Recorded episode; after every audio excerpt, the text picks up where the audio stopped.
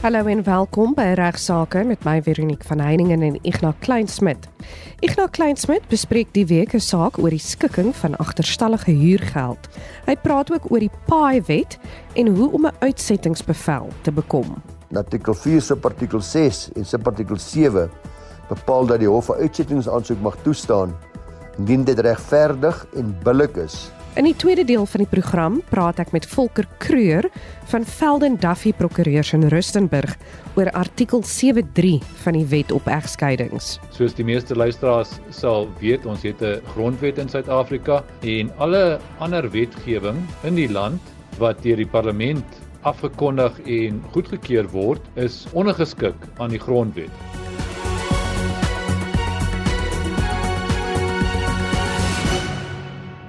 Ons sluit nou aan by Ignas Kleinsmid. Hy bespreek nou 'n saak oor die skikking van agterstallige huurgeld en onder meer oor wie die mag het om die gelde in te vorder en skikkings te aanvaar.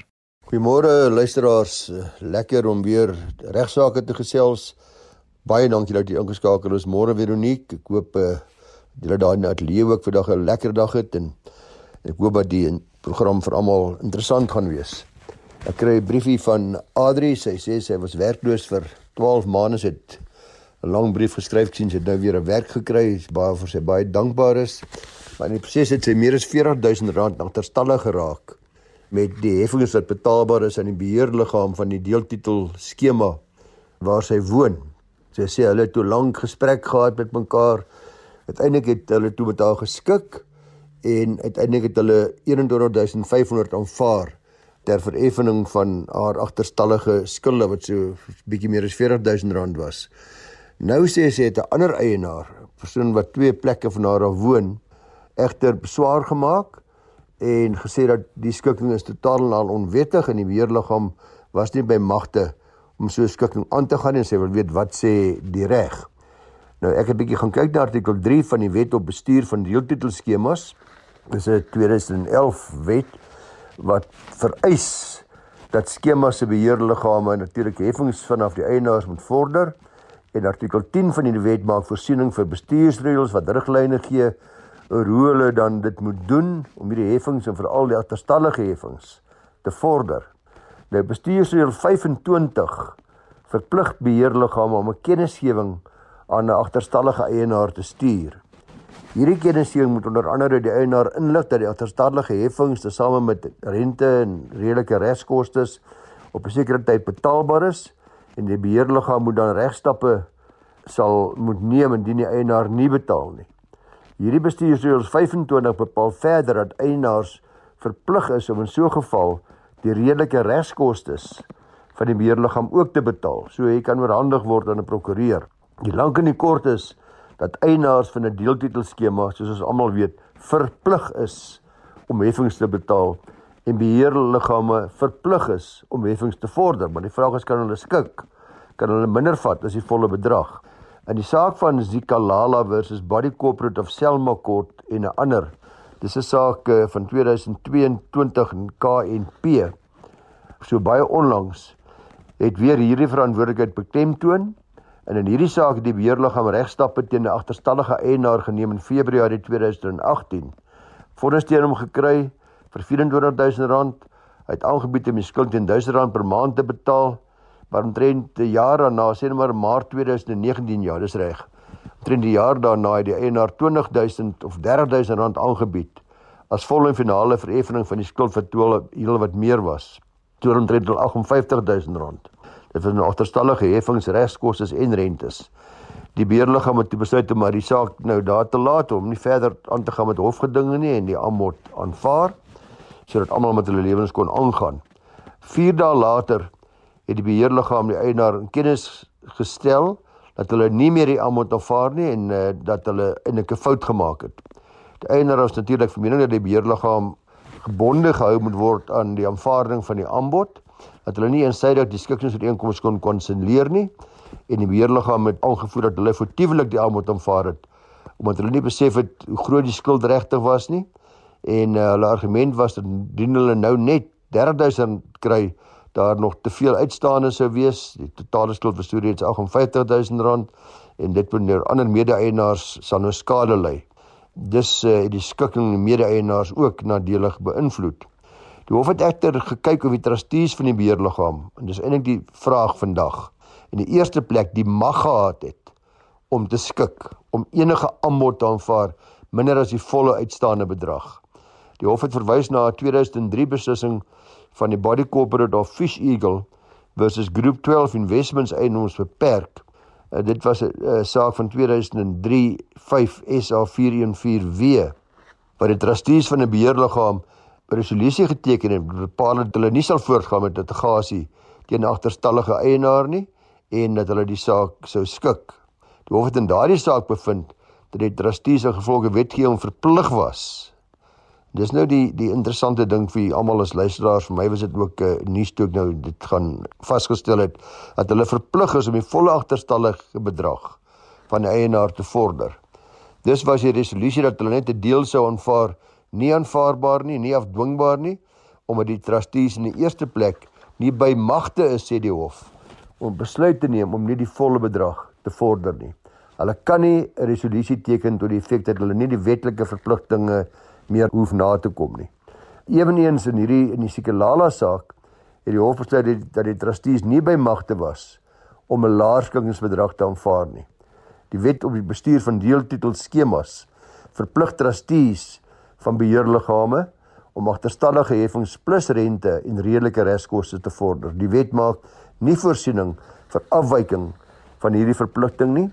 Die effek van die uitspraak is dus ook vir ons luisteraar Adri dat trustees nie 'n laerskikingsaanbod mag aanvaar as die volle agterstallige bedrag plus rente en redelike reskoste nie. Is wel een uitsondering, die enigste uitsondering sou wees waar die trustees let wel vooraf die skriftelike toestemming van al die ander 100% instemming van al die ander mede-eienaars sou verkry. So in die sekulare saak het dit nie gebeur nie en Adrie se saak lyk my beslis ook nie gebeur nie en het die hof dus bevind dat die skikking nie afdwingbaar is nie.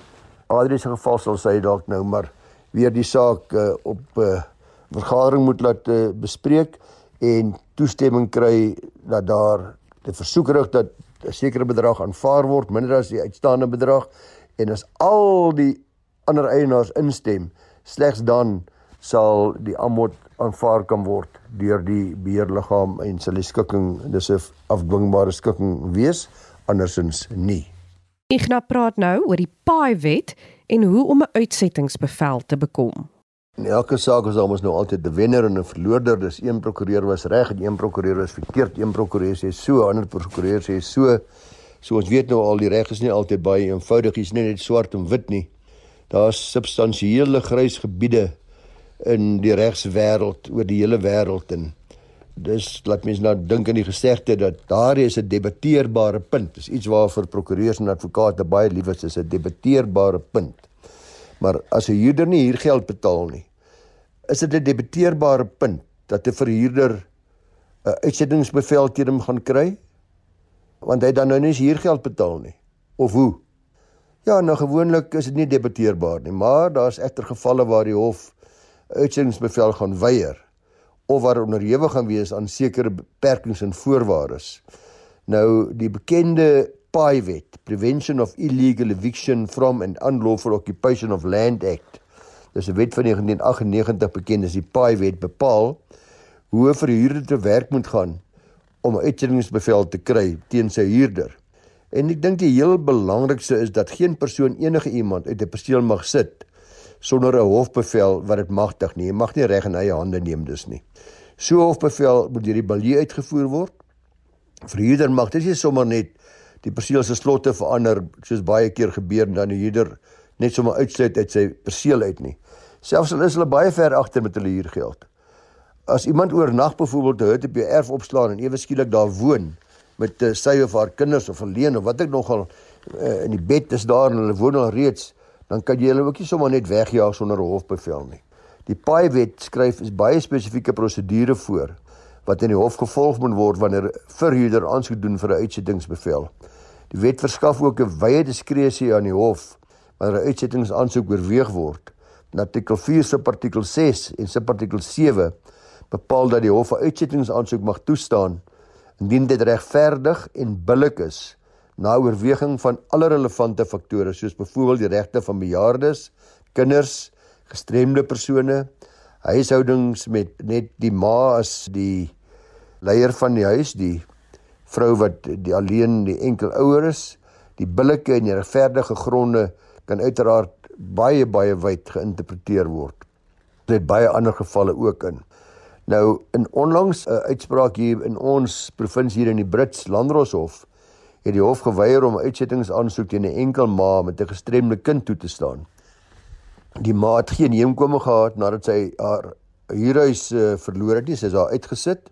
Sy het gevolglik aansoek gedoen by die munisipaliteit vir 'n akkommodasie in 'n informele nedersetting, maar haar smeekroep, haar pleit om te hulp om hulp het op dowe ore geval en het pure desperaatheid en as 'n laaste uitweg het sy toe hut gaan oprig, sommer so uh, ons praat altyd van 'n shack op munisipale grond waar sy en haar gestremde kind gewoon het. Die munisipaliteit het 'n uh, uitsettingsaansoek teen haar gebring waarin hulle aangevoer het dat uh, haar hut in die pad is van 'n sloot wat hulle wou grawe vir reënwater om te vloei.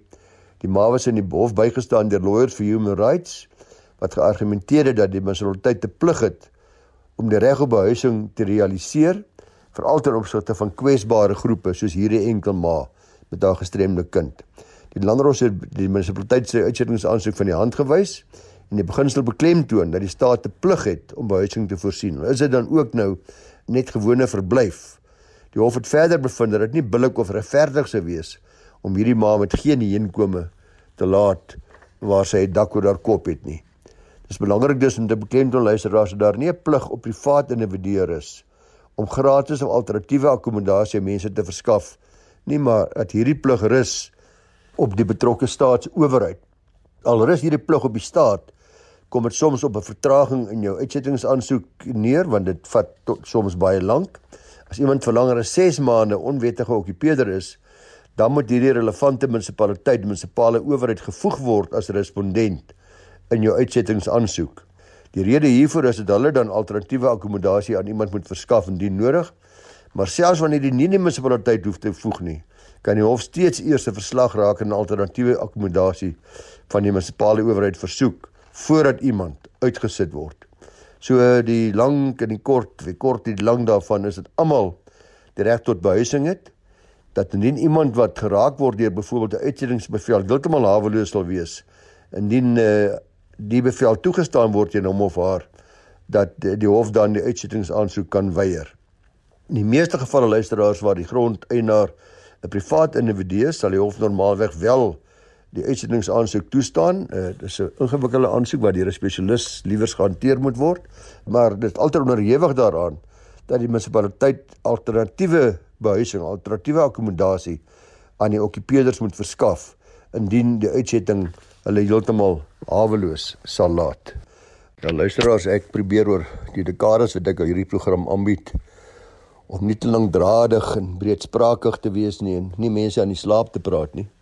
Dit het my laat dink aan 'n uh, eh, die storie ek kan nie onthou waar ek dit gehoor het nie, maar ek het gehoor 'n ware storie van die regstudent wat uh, in die klas gesit het en toe die professor sien toe is hy vas aan die slaap.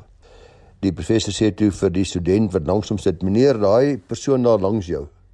Leem nie asseblief net wakker maak nie, hy sit daar in slaap."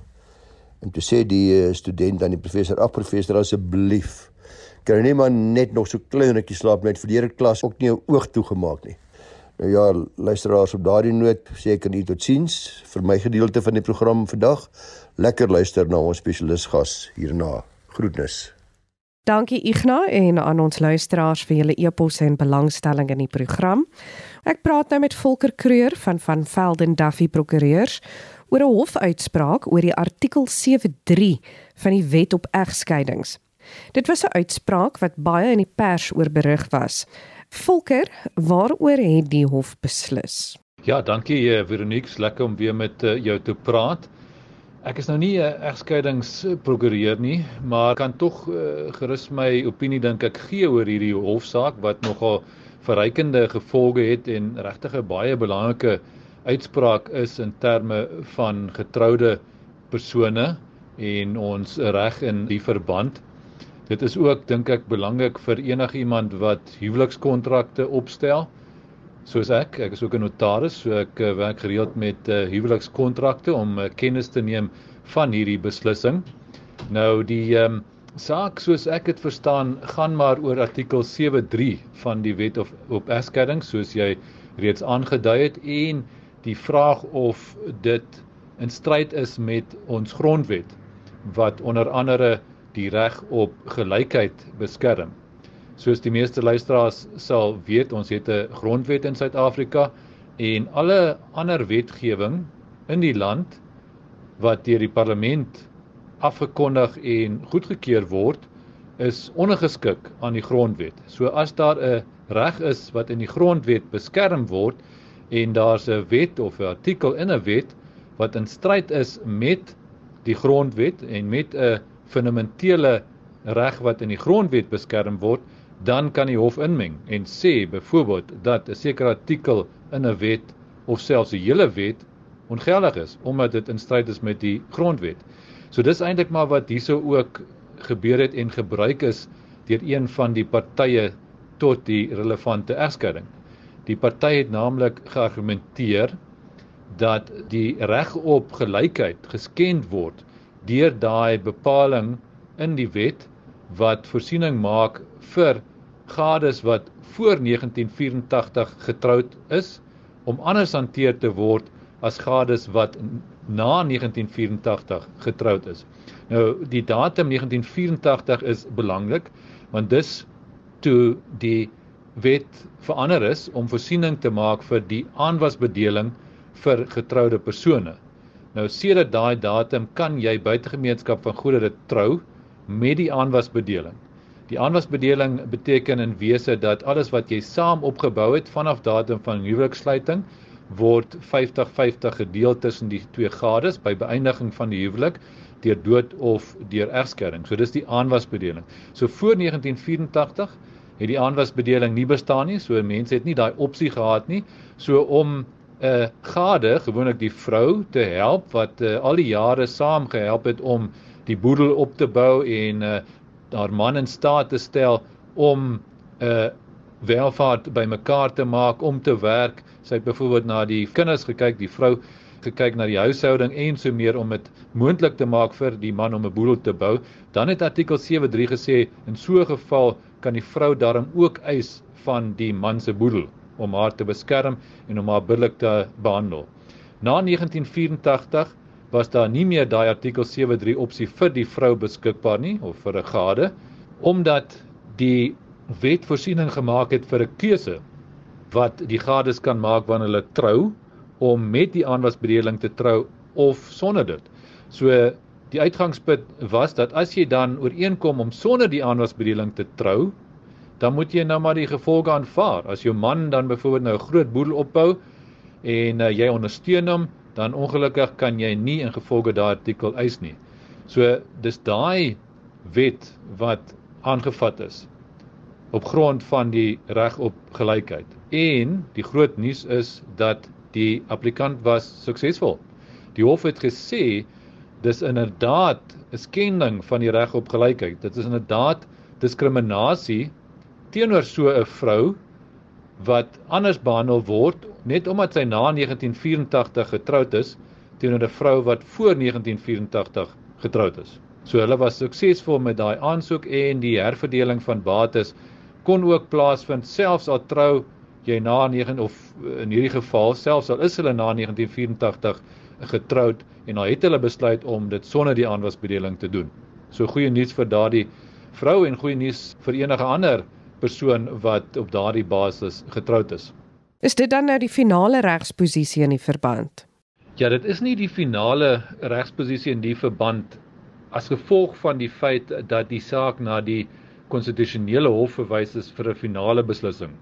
So hierdie was die Hooggeregshof in Pretoria wat op die 11de Mei 2022 daai beslissing gevel het, maar nou gaan die saak na die konstitusionele hof om 'n finale beslissing daaroor te maak.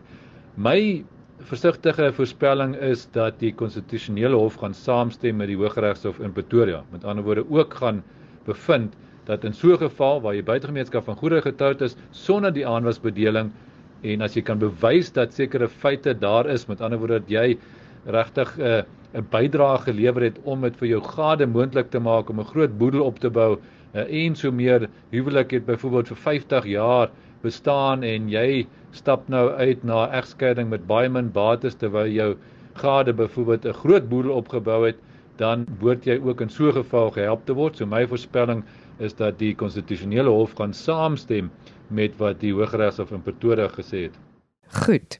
Nou wat sal jou advies aan iemand wees wat nou met 'n egskeiding besig is en hoop dat sy gaan regkom met 'n artikel 73 eis vir die herverdeling van bates?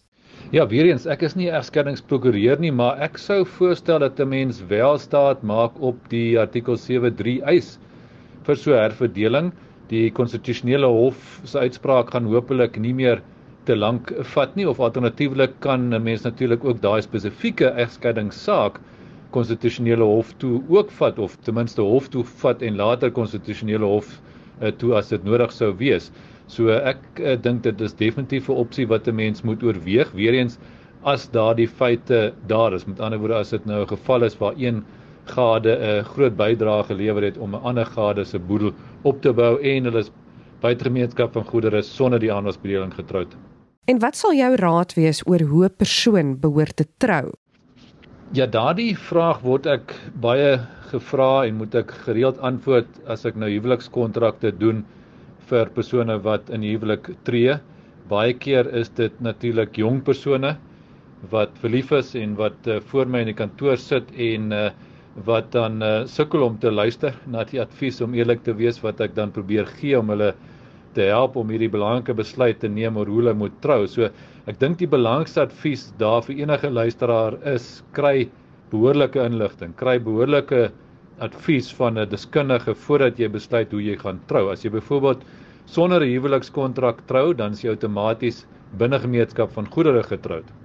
Terwyl ons advies is om eerder buite gemeenskap van goedere te trou. Onder andere omdat jy as jy binne gemeenskap van goedere getroud is, albei aanspreeklik is vir mekaar se skulde. So as dinge skeefloop en byvoorbeeld die man se besigheid gaan onder en hy word insolvent verklaar, dan kan die skuldeisers as 'n reël ook beslag lê op die vrou se bates wat deel is van die gemeenskaplike boedel. Daar is eintlik net een boedel. So enige skulde bly dan eintlik die aanspreeklikheid van albei gades en kan al die bates van die gemeenskaplike boedel gevat word.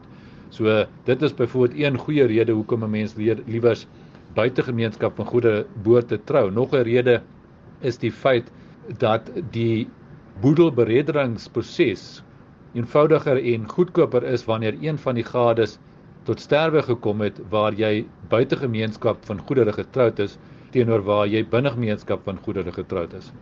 So dit is my advies om definitief eerder buitegemeenskap van goedere te trou En dan moet 'n mens maar besluit of jy dit met die aanwasbedeling wil doen of sonder die aanwasbedeling wil doen. En dis waar hierdie hofsaak waarna ek verwys het nou ook weer eens wys hoe belangrik is dit is om daai ingeligte besluit te neem. So al het jy dan daai opsie waar jy sonder die aanwasbedeling trou om vir 'n herverdeling van bates te vra, is dit soveel makliker om daai herverdeling te bewerkstellig as jy met die aanwasbedeling getroud is, want dan is daar 'n formule wat in die wet voorgeskryf is wat klaar voorsiening maak vir hoe die herverdeling tussen die gades moet plaasvind by beëindiging van die huwelik deur dood of deur egskeiding. Nou wat staan my te doen indien ek klaar getroud is en my bedeling wil verander? Jy kan dit verander met 'n uh, hofaansoek egter. So dis nie so eenvoudig om dit te verander. Jy kan nie net 'n nuwe kontrak teken nie. Jy moet eintlik hofaansoek bring en hofbevel kry wat met 'n klompie kostes gepaard gaan en ook met 'n sekere proses wat gevolg moet word. Onder andere moet jy kennis gee aan skuldeisers en so mee. So dit is natuurlik baie eenvoudiger om van die begin af die regte huweliksgoedere bedeling te kies en dan voor die tyd huwelikskontrak te teken. Maar as dit nou te laat is, as jy klaar getroud is, dan is wel daai opsie beskikbaar om met 'n hofbevel dit ook te verander. En wat van my testament? Kan ek dit enige tyd verander? 'n Belangrike verskil tussen 'n testament, eh uh, Veronique en 'n uh, huwelikskontrak is dat jy te enige tyd jou testament kan wysig eensydiglik. Al het jy 'n gesamentlike testament geteken saam met jou gade deur bloot eenvoudig 'n nuwe een te teken. So ehm um, my advies is maar altyd om aanvanklik met die ondertekening van die huwelikskontrak ook 'n testament te verlei, maar daarna kan jy te enige tyd ook 'n enkel testament teken of weer 'n genuwe gesamentlike testament. So dis baie goedkoper en eenvoudiger om jou testament aan te pas in teenstelling met 'n huwelikskontrak as sulks. Dis ongelukkig tyd om die week se program af te sluit. Baie dankie Volker Creer van van Velden Duffy Prokureurs vir jou deelname in die week se program en weer eens aan Igna, baie dankie vir jou deelname. Vir enige navrae stuur gerus 'n e-pos na vero@rsg.co.za. Van my Veronique van Heiningen groete tot volgende week.